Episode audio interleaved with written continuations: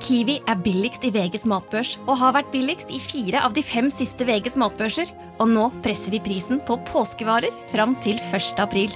På 522 gram Toro pannekakemiks presser vi prisen fra 42,90 helt ned til 34,90.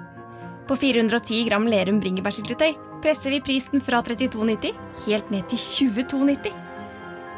For det er vi som er prispresserne. Og vi i Kiwi gir oss aldri på pris. Og velkommen til Femihelse, en podkast om kvinnehelse fra A til Å. Og jeg heter Helene, Og jeg heter Sigrun.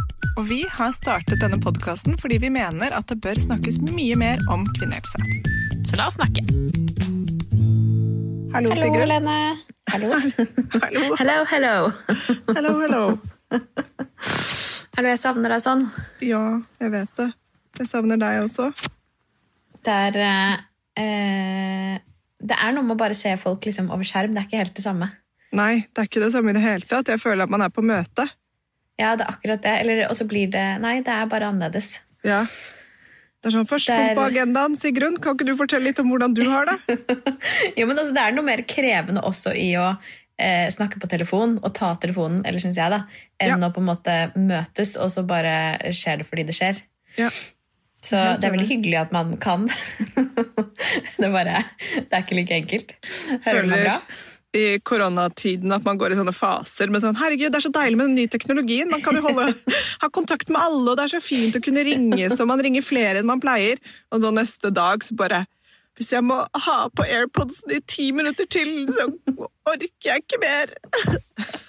Det er veldig fra dag til dag. Det jeg føler. Altså, eh, korona har jo noen sånne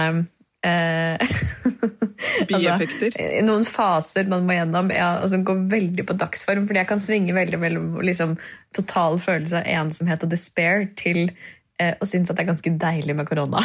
Ja, 100 enig. Eh, Det sånn- er annenhver dag, så jeg våkner opp hver dag og tenker sånn Hvilken dag er din koronadag? Altså, aner ikke hva dagen kommer til å bringe av følelser. Om det kommer til å være sånn ah, Det er sol, drikke kaffe i morgenkåpen, ta meg en, liksom, går en lang tur, kanskje gjør litt pilates, er sånn et godt menneske. Ja. Og dagen etterpå så bare er fullstendig angst og aggresjon og får liksom én feil kommentar, og det klikker for meg. Ja, Så det er sant. en Når du er på jobb eller møter andre mennesker, så er det jo veldig mange flere impulser som, kan, altså, som spiller inn på psyken din. Det skal jo også like lite til for at du plutselig ikke blir en drittdag lenger, til at det blir en god dag hvis noen bare sier én riktig ting til deg på jobb. Eller Det er akkurat det. Det er det jeg mener at man er ikke eh, Vi er ikke noe annerledes. Det er bare at vi har ikke de samme liksom, eh, distraksjonene fra hodet vårt og følelsene våre. Nei, det er nok veldig sant. man er liksom veldig sånn vant til å gjøre tusen ting, vant til å få masse input i hodet, snakke med masse forskjellige mennesker, ha utløp for tanker og følelser, og som du sier, liksom den hyggelige ene kommentaren fra en, kollega, eller én ting som går litt bra, og så er dagen liksom tuna til noe bedre. Mens her er det liksom sånn Jeg greide å lese fem sider i boken min! Jeg er så flink! Det er helt jeg, jeg trenger faktisk noen boktips, så hvis du eller, eh, eller du som hører på, for den saks skyld, har eh, noen boktips, så må du veldig gjerne du kan fortelle det nå, Helene. og dere Ja. som hører på, kan gjerne sende oss en, en DM. Jeg kan legge ut en sånn spørsmålspoll også, fordi jeg heter i en sånn i en blank. Jeg elsker egentlig å lese, jeg, bare, jeg klarer ikke å eh, ta et avgjørelse på hva jeg skal lese neste. Nei, jeg har jo da en som ikke er så veldig Det er ikke så veldig nytt, kanskje, men det er hun Rachel Cusk. Er det sånn man sier det? Hun har en triologi trend, som de trendbøkene. De trendbøkene som ser veldig Instagram-vennlige ut, ja. Ja. um, og da har hun en serie som heter Hva er det serien heter? Men det er i hvert fall uh, Outline, Transit, Kudos. Det tror jeg er rekkefølgen på dem. ja, disse har du holdt på med en stund. Jeg holder på med dem hele tiden. Jeg blir jo aldri ferdig. Jeg Bruker jo fire og et halvt år på å lese disse tre bøkene. Men det som er kult Betyr det at med de er henne kjedelige? Nei, de er absolutt ikke kjedelige. Det er bare jeg som ikke har en hjerne som greier å lese bøker lenger. Nei. Altså, sist bok jeg greide å lese sånn fullt ut i alvor, var Maria Gripe, sånn Jenta på steinbenken, eller hva det heter. Nei da. Men eh, de er, de, det jeg liker med de, er at um, du blir kjent med veldig mange ulike Eller jeg nesten sånn at jeg får lyst til å skrive ned sitater fra bøkene.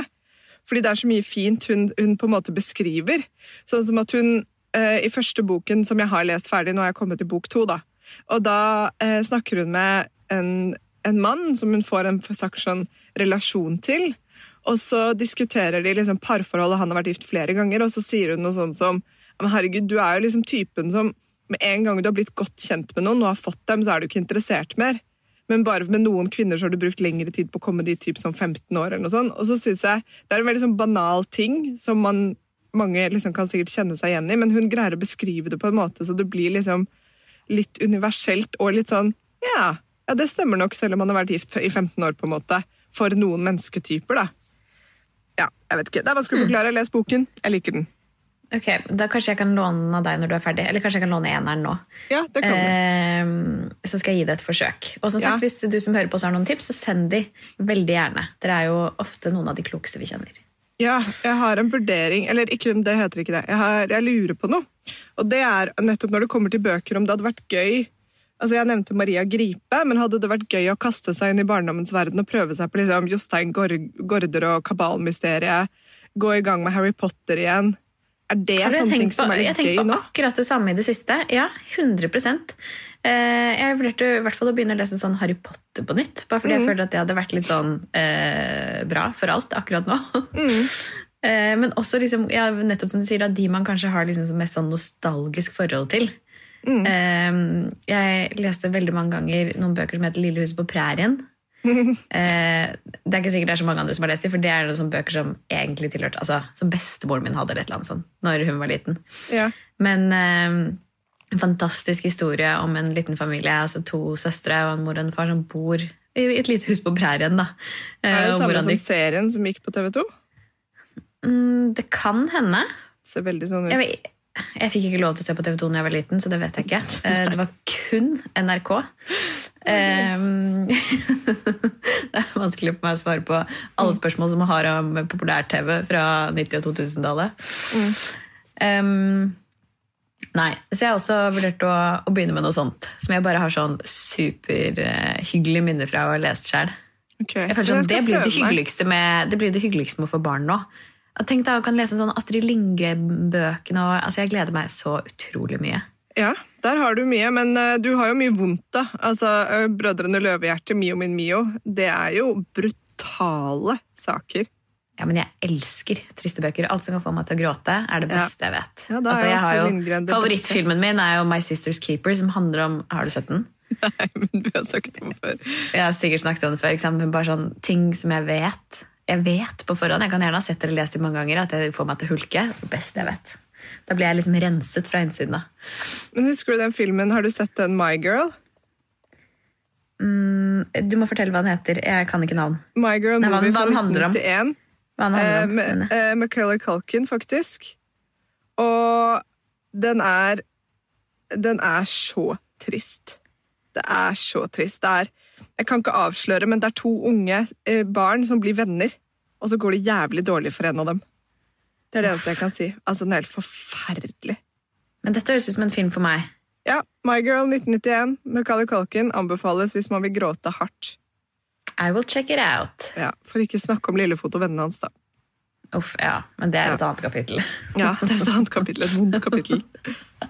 Jeg måtte, mamma måtte jo gjemme den BHS-en, fordi jeg pleide å snike meg ned i kjelleren, sette den på og gråte. Og så gråt jeg så lenge og så mye at mamma liksom, det ødela dagen til mamma. For hun brukte liksom resten av kvelden med at jeg bare satt og klamret meg til henne, for jeg var så redd for at hun også skulle dø. Så var jo mamma bare ok, den der, det går ikke mer. Du får ikke lov. Jeg husker at det var sånn at ja, det Så du var min, elsket det, men du ble ødelagt? Jeg ble elsket det og ble ødelagt. Jeg kjente jo da på en sånn intens kjærlighet for mamma. Sant? Som jeg kunne sitte på fanget hennes lenge etterpå og gråte, men mamma fikk jo ikke gjort noe. Hun kunne, liksom, hun kunne ikke gå fra meg når jeg var da på eh, Lillefot og vennene-stadiet i livet. Eh, men ja, for du da hadde Lillefot og vennene. Jeg ble jo indoktrinert med litt annen eh, Jeg husker veldig godt mitt første liksom sånn eh, angst for døden. Og det var eh, det var, Hva het den boken? Men det handlet i hvert fall om Sunniva. Altså, det handlet om en pilegrimsreise. Uh, om en ung jente som het Sunniva, som hadde en bror uh, som var dødssyk. Oh, ja. Og hun skulle gå med han fra typ sånn øst på Østlandet et eller annet sted, til Trondheim uh, og til liksom Hellig Olavs kiste for at han skulle helbredes. Mm. og på veien så går det veldig dårlig om han broren. Og jeg husker veldig godt da at eh, etter at jeg hadde lest det, eller mamma hadde lest det for meg, jeg husker ikke, så, eh, så var jeg sikker på at jeg skulle dø. Og det kjente kroppen at nå dør jeg. Eh, ja, men Det var liksom første, sånn her, mitt første møte med døden. da. Ja. Så var jeg sånn, ja, Men det kan sikkert, bare skje. Eh, jeg ble tatt av en eller annen sånn dødsangst. Det, som jeg husker veldig godt en dag i dag. Jeg var sikkert fem. liksom, Seks. Nei, det, og det, det som er rart i livet akkurat nå når vi snakker om dødsangst, var at det var to ting jeg var veldig Eller jeg hadde noen sånne ting jeg var veldig redd for som liten. Det var øh, øh, Jeg var veldig redd for øh, jordskjelv og vulkaner. Ja. Det er i hvert fall vulkaner. Det var sånn jeg så for meg at jeg lå i sengen, og at det plutselig skulle komme lava inn i rommet mitt. Og jeg var så redd for det, og det var jo veldig vanskelig for mamma å forklare meg at det ikke kom til å skje, fordi jeg visste jo at det kunne skje på jorda. Men jeg var, jeg på en måte ikke helt liksom eh, Skjønte ikke helt dette med geografi, og at ikke vi lå et sted hvor dette kunne skje. Men det som er helt sinnssykt, er at forrige søndag så våkner jeg kvart på ti. Og det, liksom, det er veldig sent for meg å våkne kvart på ti nå i denne koronatiden, for jeg våkner liksom samme tid hver dag, sånn litt før åtte. Så våkner jeg kort på ti, og så har jeg fått en melding av faren min hvor det står sånn Hei, jenta mi. eh, Det går bra med oss. Det var en forferdelig opplevelse med jordskjelvet, men vi er eh, trygge. Og jeg bare Hæ? Hva er det som skjer nå? Og så bor pappa og kona hans Astrid de bor Dette halvåret så skulle de bo eh, i Zagreb, fordi hun jobber som EU-råd, eh, eller sitter i EU-rådet for Norge. Og så Forrige søndag så var det jo jordskjelv i Zagreb. Så midt oppi liksom alt dette med korona og alt som har skjedd, så plutselig så blir faren min og da stemoren min, eller bonusmoren min, da, eh, som er litt hyggeligere, eh, rammet av jordskjelv. Som jo er liksom en av mine store barndomsfrykter. Og så skjer det, og så det var, så, det, var, det var det mest surrealistiske dagen jeg tror jeg har hatt på år og dag. Jeg bare kunne ikke tro at liksom noen av de jeg er mest glad i i hele verden, holdt på å bli skadet av jordskjelv. Hele veggen på soverommet deres sprakk opp bak hodene deres. Um, og det er jo ut ifra min lille navle at jeg syns det var skummelt, men oppi alt dette så er jo Zagreb, eller Kroatia, da, i samme situasjon som resten av verden med korona, og så opplever de en sånn naturkatastrofe på toppen av det hele. Uh, det var helt forferdelig. Og nå er det jo Altså- sånn at det gikk jo på en måte der, der Det var én jente på 15 år som døde av skadene, dessverre, som er jo forferdelig trist. Um, men bortsett fra det så var det ikke sånn at det var ikke mange, veldig mange som, som ble hardt skadet og døde. Bank i bordet, og det var utrolig liksom eh, bra oppi alt, da. Um, men, og det handler nok litt om at eh, Det visste ikke jeg, men Zagreb hadde et kjempejordskjelv for nøyaktig 100 år siden. Eller 102 år siden, tror jeg. Og, og da har de nok bygget opp byen sånn at det skulle tåle det igjen, men jeg var ikke klar over at det er i, i området eh, fare for jordskjelv. Så Nei. det sier litt om på en måte perspektivene man har, og hva man tenker at man skal være redd for, og hva man faktisk eh, får seg som en smell. da. Og jeg sier ikke at man skal gå rundt og Jeg skal ikke gjenopplive min redsel for uh, jordskjelv og vulkaner nå, men, men det satte ting veldig i perspektiv for meg. For nå er det en sånn masseredsel for korona, sikkert med god grunn. Det, det vet vi at dette her kan bli veldig dramatisk, og er veldig dramatisk allerede på mange punkter. Men så opplever man noe sånt, så ble, for meg så ble det i hvert fall helt sånn eh, rart å ta innover i hodet. At ok, nå, Jeg var kjemperedd for dette, men nå var det noe helt annet som jeg burde vært redd for.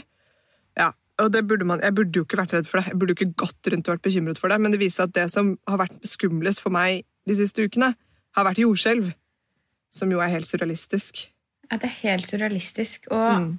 det sier jo noe om hvor sykt sånn eh, trangsynte vi også blir i disse koronatider. At vi ikke klarer på en måte å se for oss at andre ting i verden også kan skje. Eh, Ja. Men også bare sånn eh, For du la jo ut dette på, eh, Instagrammen din. En veldig fin story. Eh, Egentlig bare informasjon om at det hadde skjedd. Og jeg så ikke den før liksom ganske sent på dagen. Mange timer etterpå. Og Ehm, da gikk jeg inn på NRK før jeg sendte deg en melding, og så, og så liksom prøvde jeg å scrolle nedover, så, bare så, så fant jeg ikke noe om det. Nei. Og det syns jeg var så rart, for liksom langt ned så var det en liten, liten notis. Eh, hvor ehm, ja, hvor det, eller, altså, hvor det sto liksom at det hadde skjedd. Men det også ble altså, synes jeg er liksom sykt provoserende. fordi hadde det vært ikke Corona Times, så hadde dette vært noe som hadde fått massiv oppmerksomhet. Selvfølgelig, Zagreb er jo en, en sånn stor by. Mm.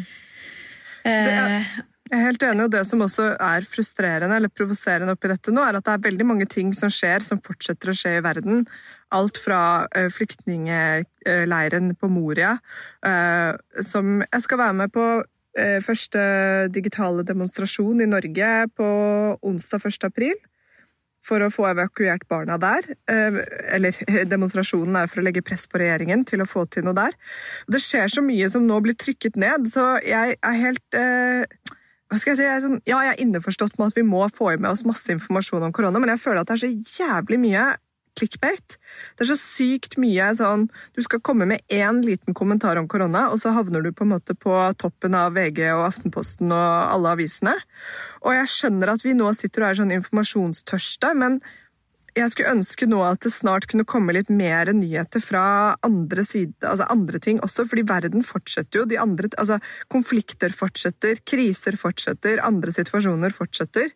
Og ja, all eyes on korona nå, men så lenge alle holder seg hjemme, er i isolasjon, keeps up social distancing, så, så kan vi jeg tror vi tåler å få inn annen info også, som gjør at vi kan liksom rette blikket litt ut. da.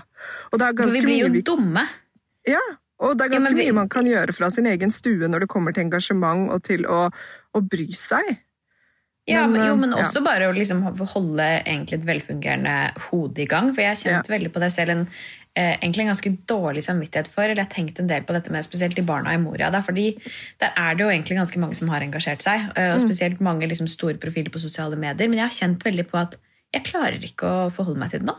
Mm. Fordi det er fullt. Altså, det er for mye annet som skjer. Da. Spesielt, altså, Mest med korona, selvfølgelig, men hvor det føles så altoppslukende. At det å eh, ja, det å rett og slett liksom skulle sette seg inn i og engasjere seg i noe annet, det er, bare, det er ekstremt vanskelig akkurat nå. da. Nettopp ja. fordi det, det, er jo alt snakkes om. Og eh, de siste ukene så har jeg sett på Dagsrevyen fast. Og bare egentlig hatt det som min eneste nyhetskilde, fordi jeg orker ikke å følge med hele tiden. Da blir jeg gæren i hodet. Men det handler jo bare om korona. Mm. Det gjør det. Og jeg, og jeg, mener ikke det når jeg sier at liksom jeg mener at dette ansvaret ligger på mediene nå, og begynne å sluse inn mer og mer andre typer nyheter også. Eh, og det kommer jo til å skje naturlig, selvfølgelig. Det er jo ikke sånn at dette her kommer til å være det eneste man snakker om fram til liksom, sommeren, men, men jeg bare må, jeg, jeg, skulle virkelig ønske at det kunne skje litt, at det kunne begynne å skje litt nå. At vi får opp liksom, øynene for, for andre ting som skjer også, for det er ikke som at resten av verden har stoppet opp. Eh, ei heller Nei. her i Norge. Men, men, det er litt det jeg mener også. Jeg føler ikke egentlig at dumheten ligger på meg selv. Selvfølgelig gjør den jo først og fremst det.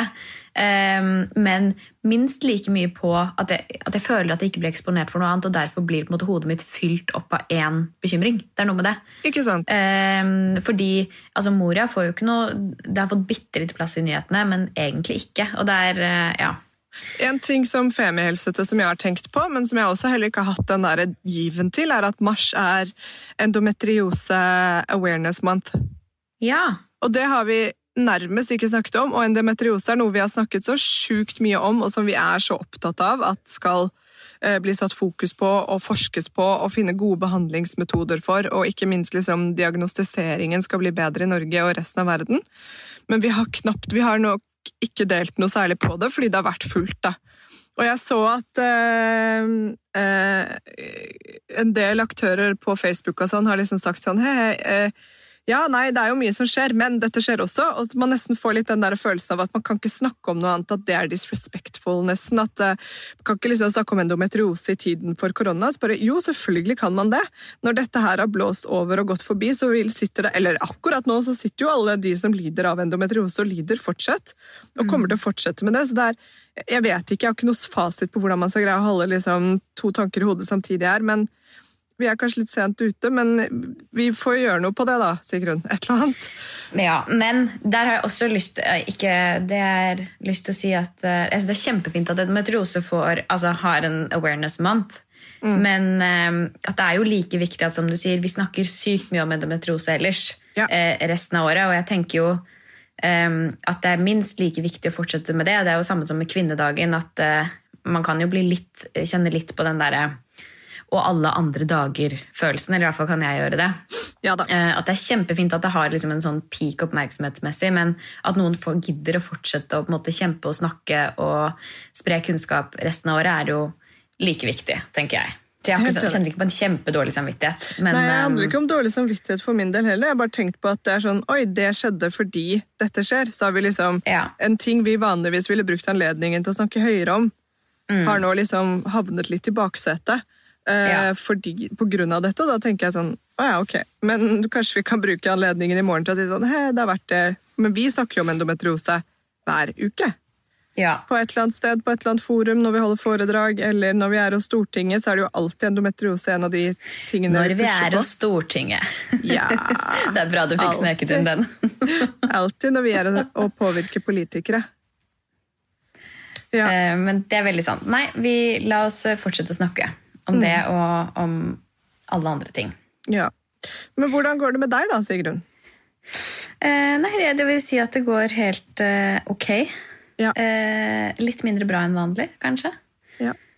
Eh, jeg er jo blitt så sykt svimmel de siste ukene, som er eh, sjukt irriterende, først og fremst.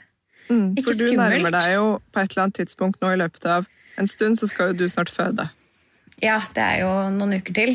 Ja. Um, men uh, Ja, nei, det er bare en, en mulig bieffekt av denne graviditeten jeg liksom ikke hadde tenkt på.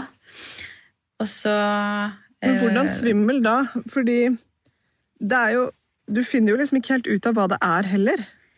Nei, det kom, altså det som er veldig rart, og det, jeg husker veldig godt at det begynte, det begynte liksom en vanlig torsdag på jobb, hvor jeg sto og snakket med en kollega, og så ble jeg veldig svimmel plutselig. Men da varte det bare i ja, 10-20 sekunder. Og etter det så har det kommet tilbake i sånne anfall, hvor jeg først får et sånn heftig svimmelhetsanfall, eh, hvor jeg må sette meg ned, for å si det sånn. Og så varer det i 5-10-20 minutter, og etter det så kommer det tilbake i sånne kast som varer i kanskje ett sekund, da. Hvor det suges ned i et hull, og det varer i ja, i 5-7 timer da, i etterkant. Herregud. Eh, Og så, så- har jeg jo vært liksom både på legevakten og snakket med føden og med fastlegen og med jordmor, og de klarer jo ikke å finne ut av hva det er. Men du hører du ikke dårligere også når det skjer? Jo, jeg mister hørselen på begge ørene. En liten detalj. Liten detalj, ja. ja. Så jeg våknet jo her en natt av at det pep i ørene. Eh, og så ble jeg svimmel. Liksom sånn klokken to på natten. Veldig spesielt. Men en liten tilleggsfaktor, for nå bruker vi egentlig dere lytterne som sånn uh, Dr. House her. Hva, hvis noen av dere har hørt om hva dette kan være, send oss gjerne en melding hvis noen av dere har opplevd det selv. Men du har jo også hatt litt krystallsyke fram og Ja, tilbake de siste to årene. Og det kjennes ikke ut som det. Nei, så de sier at de tror Eh, ikke det er det legen heller. Nei, de, tror, altså, de har jo sjekket meg for absolutt alt, og de finner ikke noe skummelt. Ehm, så i utgangspunktet liksom, blodtrykk er fint, og metning er fint, og ehm, altså alt er, alt er som det skal være. Mm. Men um, ja, hvis noen har noen erfaring med noe lignende, så vil jeg selvfølgelig veldig gjerne høre. Og jeg, synes, altså, jeg håper jo at dette er noe som går over når denne babyen er ute, og at det har uh, Fastlegen min trodde det hadde noe å gjøre med at liksom, nå er det, du har 40% mer blod i kroppen enn vanlig. Ehm, og selv om blodtrykket er fint, så kan det fort hende at ikke hodet får nok blod. Eksempel. Ja. Fordi at liksom, trykkforskjellen i kroppen er helt ute av balanse. Ja, og så leste jeg, har jo prøvd å google meg frem til hva dette kan være. Og da var det jo noe snakk om at det selvfølgelig kan være trykk på ulike altså puls- eller blodårer, Mm. som også kan fordele liksom ujevnheten av blodtilførsel. Eh, Men Det det, kom, det som er rart, er at dette kommer når du står, når du sitter, når du går, når du ligger. Det er ikke noe sånn hver gang Nei, du ligger på venstre side, så Ikke spist. Altså, nei, det spiller ingen rolle. For de har jo sånn vanlig som veldig mange får på slutten av graviditeten. er eksempel hvis du ligger på ryggen, så eh, kan man jo besvime ganske fort fordi det ligger en baby og trykker på hodepulsårene dine. ja. Eh, nei, dette er annerledes, altså. Så mm, ja, dere Hvis dere har noen, noen tanker om hva dette kan være, eh, så vil vi, eller jeg, vil veldig gjerne høre det. Jeg òg. Eh, Og så ellers så satser jeg jo på at det går over. Men det er jo litt sånn irriterende, fordi jeg blir litt begrenset, fordi jeg begynner å bli litt redd for å gå ut alene, for eksempel. Mm. Eh, ja, for forrige gang det skjedde, så skjedde det liksom på kirkegården, eller ja, kirkegården overfor her da jeg var ute og gikk tur alene. og Da måtte jeg jo ringe Jon mens jeg lå på en benk på kirkegården. Og i disse koronatider så er det jo ikke så veldig gøy å falle om utendørs, fordi alle blir jo bare sånn 'Å nei, der var det en som døde av korona. Jeg kan ikke gå bort dit'. Ja, Det er dramatisk å ligge på en benk på kirkegården i koronatider. Det er uh, Jo, men det er jo det. ja, Altså, Det gjør det ikke lett for folk gikk- å nærme seg deg da.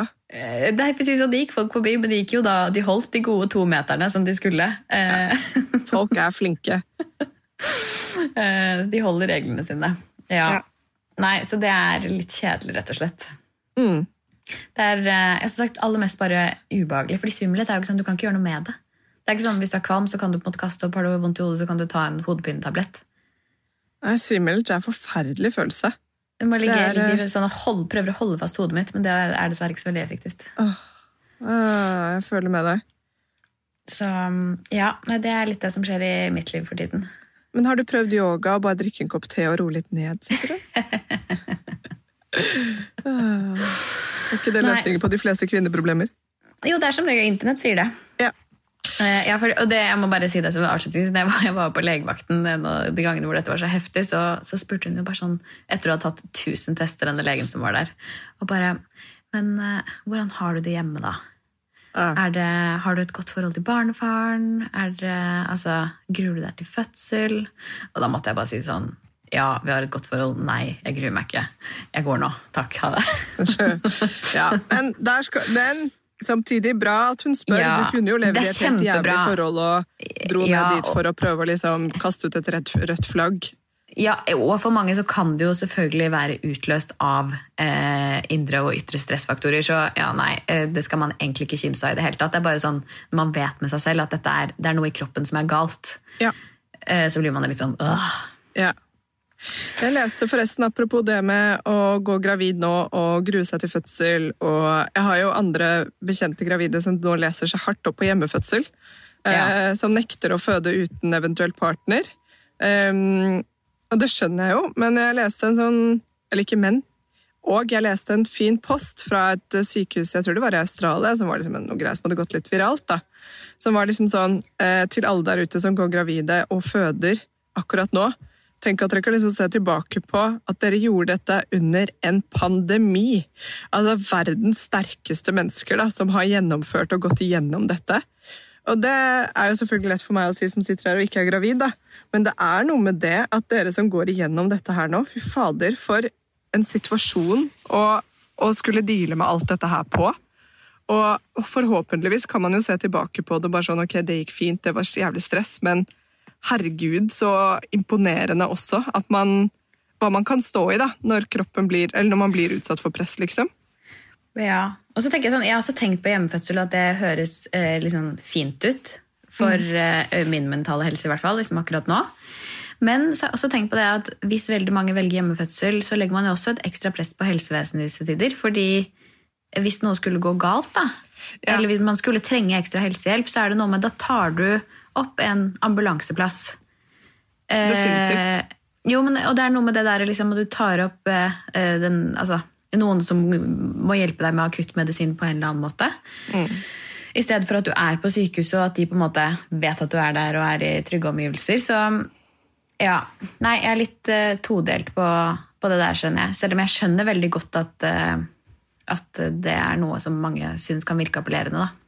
Ja, altså Kanskje for noen virker det helt, helt 100 utenkelig å greie å gå gjennom en fødsel uten partneren sin. Og at man tenker Ja. ok, da får jeg bruke penger på en doula og få Ja, altså på en eller annen Og måte. en don't know. jordmorhjem. Ja. Men for de aller fleste enn så lenge i Norge så har man jo mulighet til å ha med partner på fødsel så lenge ikke partner er syk. Ja.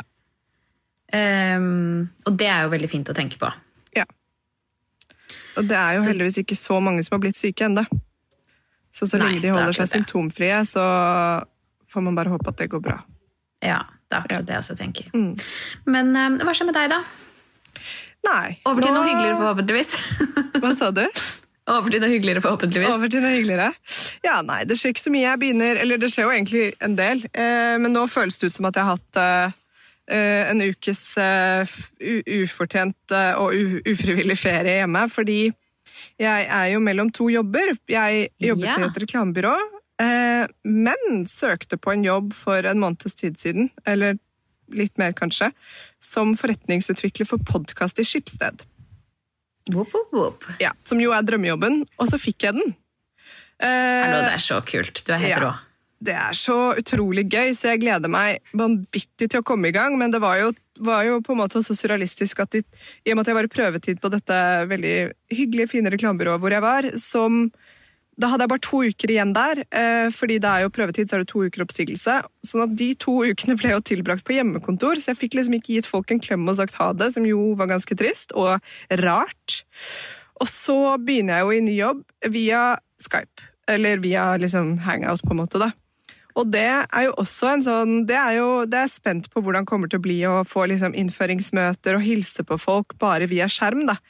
Men jeg tenker på det på den måten at den dagen jeg får lov til å sette liksom føttene på eh, kontoret til Skipsted i Akersgata, kommer til å være helt sånn euforisk for meg.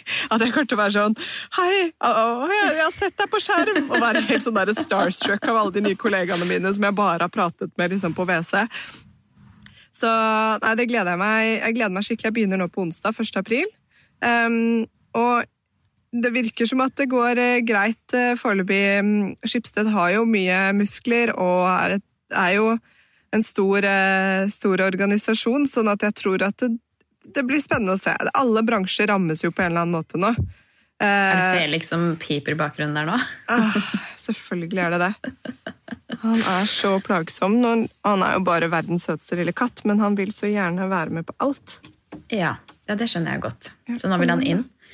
Ja, men det hadde jo vært veldig spesielt, eller ekstra spesielt, tenker jeg, i en sånn her situasjon å skulle gått liksom, og slutte i en jobb og så gått rett inn i en permittering, som for, i veldig mange, for veldig mange andre sikkert ville vært eh, det som hadde skjedd. Ja, Men, og det eh, har jeg jo også tenkt på at det kunne skje, så jeg var veldig spent på liksom, går jeg rett inn i permodus nå. Det Ja. hadde vært ganske tungt tror jeg, for psyken min, uten at det nødvendigvis hadde verste, det hadde jo ikke vært det verste som kunne skjedd i verden. Jeg hadde greid meg fint, men jeg var veldig spent på egne vegne, da. Men det har, virker foreløpig som at det går bra. Og så får vi bare se hvor lenge dette varer, fordi hvis dette eh, Hjemmekontor og lockdown og usikkerhet i markedet og økonomisk kollaps varer eh, lenge, så vet man jo aldri hvem som Det er jo ingen trygge. Nei, Så det er veldig se. sant. Men nå Det er i kan man ikke fall vite. hodet mitt er i full spinn med å tenke på nye kommersialiseringsmuligheter for podkast i Skipsted. Eh, ja, Koser meg bare veldig med å liksom glede meg til å begynne. Så det blir sykt gøy. Hallo, er det ikke veldig kult å tenke på at uten Femihelse så hadde du ikke fått den jobben? Mm. Mest sannsynlig, eller det kan hende du hadde Nei, fått da hadde jeg ikke fått det- jobben, altså, for da hadde, hadde jeg jo ikke vært så inne i podkast. Eh, nei, det er akkurat det. Og liksom sånn interessen din for podkast og all kunnskapen du har, og i hvert fall hvordan vi For vi har jo, eller med Femhelse så holder jo vi selv i alle samarbeid, og altså både kommersielle og ikke-kommersielle, for å si det sånn. Um, så det er, det er jo ganske gøy å tenke på at liksom, denne lille klubben som vi har drevet Hei, Felix. Herregud. Sushi. Pell deg ut, da. Han vil, være, han, vil inn i, han vil inn i skapet, og så vil han ut. Og nå vil han Må aldri lukke en eneste Ja. dør. Oi, unnskyld, Felix. Nå moste jeg han litt. Ja, Det går bra. Det overlever du. Han er myk. Ja, nei, ja, jeg Um, vet det. Det er jo en fantastisk sånn gründeraktig følelse over det. Da. At, uh, det er jo det jeg alltid har tenkt i veldig mange valg jeg har tatt i livet som har vært sånn Om jeg har vært elevrådsleder, eller om jeg har vært jobbet frivillig her og der, så tenker jeg sånn ok, dette er ikke det som gir cash money eller karrieremulighetene, men det åpner opp for å vise et engasjement da, som gjør at man kan eh, sikre seg andre typer jobber senere. Det har egentlig alltid vært min filosofi med veldig mye av det jeg gjør. Eh, at det er ikke alt du skal tjene penger på, eller det er ikke alt du skal bli rik på, fordi de åpner opp kanskje for, for andre ting etter hvert. Det er sant, og så synes jeg også du er flink til å eh, ikke tenke Det er jo på en måte noe litt annet, men at man liksom skal være et sted bare for å være et sted. Eh, det syns jeg er jo ganske inspirerende med deg liksom sånn karriere-wise. For du har jo eh, en CV hvor du har hatt en del jobber som ikke har vært så utrolig lange. Mm. men som nettopp liksom har vært riktig valget for deg. Eh, og som ikke nødvendigvis har vært liksom sånn ja, hoppe for å hoppe og eh, øke i lønn, men mer sånn nå er det ikke riktig å være her lenger. Eller måtte, nå tar jeg et livsvalg og flytter fra dette landet, som selvfølgelig er noe annet. Men at det ikke nødvendigvis er noe, det trenger ikke være noe negativt med tanke på en potensiell ny arbeidsgiver. Fordi eh, Ja, nei, tvert imot. Jeg tenker sånn, det står jo mer eh, respekt av egentlig at man har hatt et bevisst forhold til egen karriere og de valgene man har tatt. Ja, det tenker jeg også at uh, For arbeidsgivere så er det ingenting som er mindre lønnsomt enn eller det er det sikkert, men det er en ting som ikke er lønnsomt, det er å ha veldig demotiverte medarbeidere. Og ikke det, Jeg har heldigvis ikke kommet dit, men, men, men, det er noe med å gripe de sjansene som kommer. I hvert fall så har min filosofi alltid vært sånn at eh, hvis du får en ny sjanse et annet sted, og du tenker at det der virker så spennende at jeg må kaste meg på det, så er lojalitet for arbeidsgiver selvfølgelig viktig, men de har jo ikke egentlig lojalitet for deg. Altså Den dagen de må nedbemanne eller permittere, så kan du ryke først. da. Så man må jo mm. selvfølgelig alltid følge hjertet og, og hodet og finne ut av liksom, ok, men er det rett å bli eller ikke. Men um, de valgene jeg har tatt de siste ti årene, har i hvert fall vært sånn basert på ok, nå har jeg gjort det jeg kan her, eller nå må jeg flytte, eller ja, et eller annet. Så, og, så lenge man har man ikke, altså Min CV består av veldig mange sånn ett- til toårsopphold.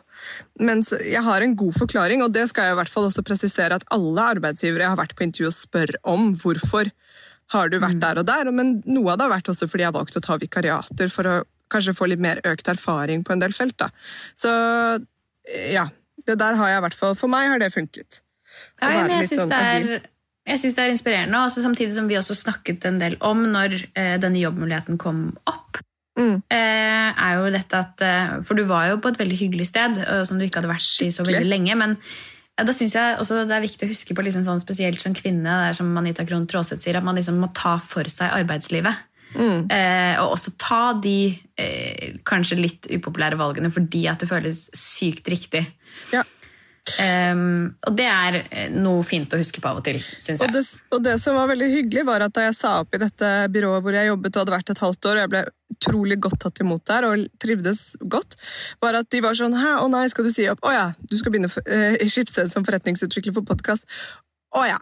Ok, så klart. Altså, det var, alle skjønte det. det var liksom, alle skjønte at det var min drømmejobb. Um, så så lenge så lenge man gjør det på den måten også. Jeg tror de hadde blitt ekstremt skuffa hvis jeg bare hadde hoppet videre til et annet byrå. Sånn, eh, jeg fant noe kulere noe annet sted, fordi det gjorde jeg jo ikke. Det her var noe helt annet. da. Så det er jo selvfølgelig en medvirkende årsak til at de var helt sånn kule på det og syntes at det bare var Eller at det var veldig riktig for meg, da. At de var enig i det. Det er veldig bra. Og så gleder jeg meg jo eh, nå veldig til at du skal eh, forretningsutvikle og lære dritmye som gjør at uh, Femihelse bare blæster det neste året. ja, det blir så deilig, det. Men da syns jeg jo kanskje, Helene, at, uh, at du spesielt kan rette en takk til lytterne våre uh, for at de har giddet å høre på, sånn at vi har kunnet utvikle Femihelse, sånn at du har fått denne jobben. Ja, Tusen takk til alle lytterne våre for at jeg har fått ny jobb som forretningsutvikler for podkast i Skipsted. Og så vil jeg si spesielt takk til alle annonsører vi har hatt, fordi det har vist at jeg greier å kommersialisere ting. Hallo, det er sant. Vi ja. har verdens beste samarbeidspartnere. Faktisk. Åh, så bra. Jeg begynner å bli litt varm inni teltet mitt. Hva med deg? Ja, samme her. Var bare varmere i skapet. Jeg ligger liksom med et, et teppe over hodet. Eh, mm. så, også denne gangen så håper vi at uh, lyden har vært tålelig god. Mm. Ehm, vi snakes på sosiale medier, og så kommer det sikkert flere Corona specials eh, ja. innimellom de vanlige episodene våre, fordi det, det er hyggelig å preike med dere. Ja. Um, det er skikkelig mye hyggelig aktivitet på sosiale medier for tiden. Um, følg oss veldig gjerne på Instagram, uh, på Femihelse, hvis du ikke gjør det allerede. Uh, og uh, ja, send oss en melding der. Ja, gjør det. Det, det syns vi er skikkelig, skikkelig koselig. Mm. Um, vi snakkes, Irene. Det gjør vi, Siggen. Uh, og vi snakkes også, du som hører på. Ja. Ha det! Ha det! Tusen takk for at du hørte på podkasten vår. Selv om det forhåpentligvis kommer tydelig frem, så vil vi understreke at vi ikke er helsepersonell. Ja, så Som vanlig, kontakt legen din om du har noen spørsmål eller om du skal begynne på noen form for behandling. Og Har du et tema som du har lyst til at vi skal snakke om, eller noe ris eller ros, så send oss gjerne en melding på Facebook eller på Instagram. Der finner du oss under Femihelse. Mm. Og du kan gjerne rate oss på iTunes. Det er skikkelig hyggelig for oss. Ha en fin dag. Ha en kjempefin dag.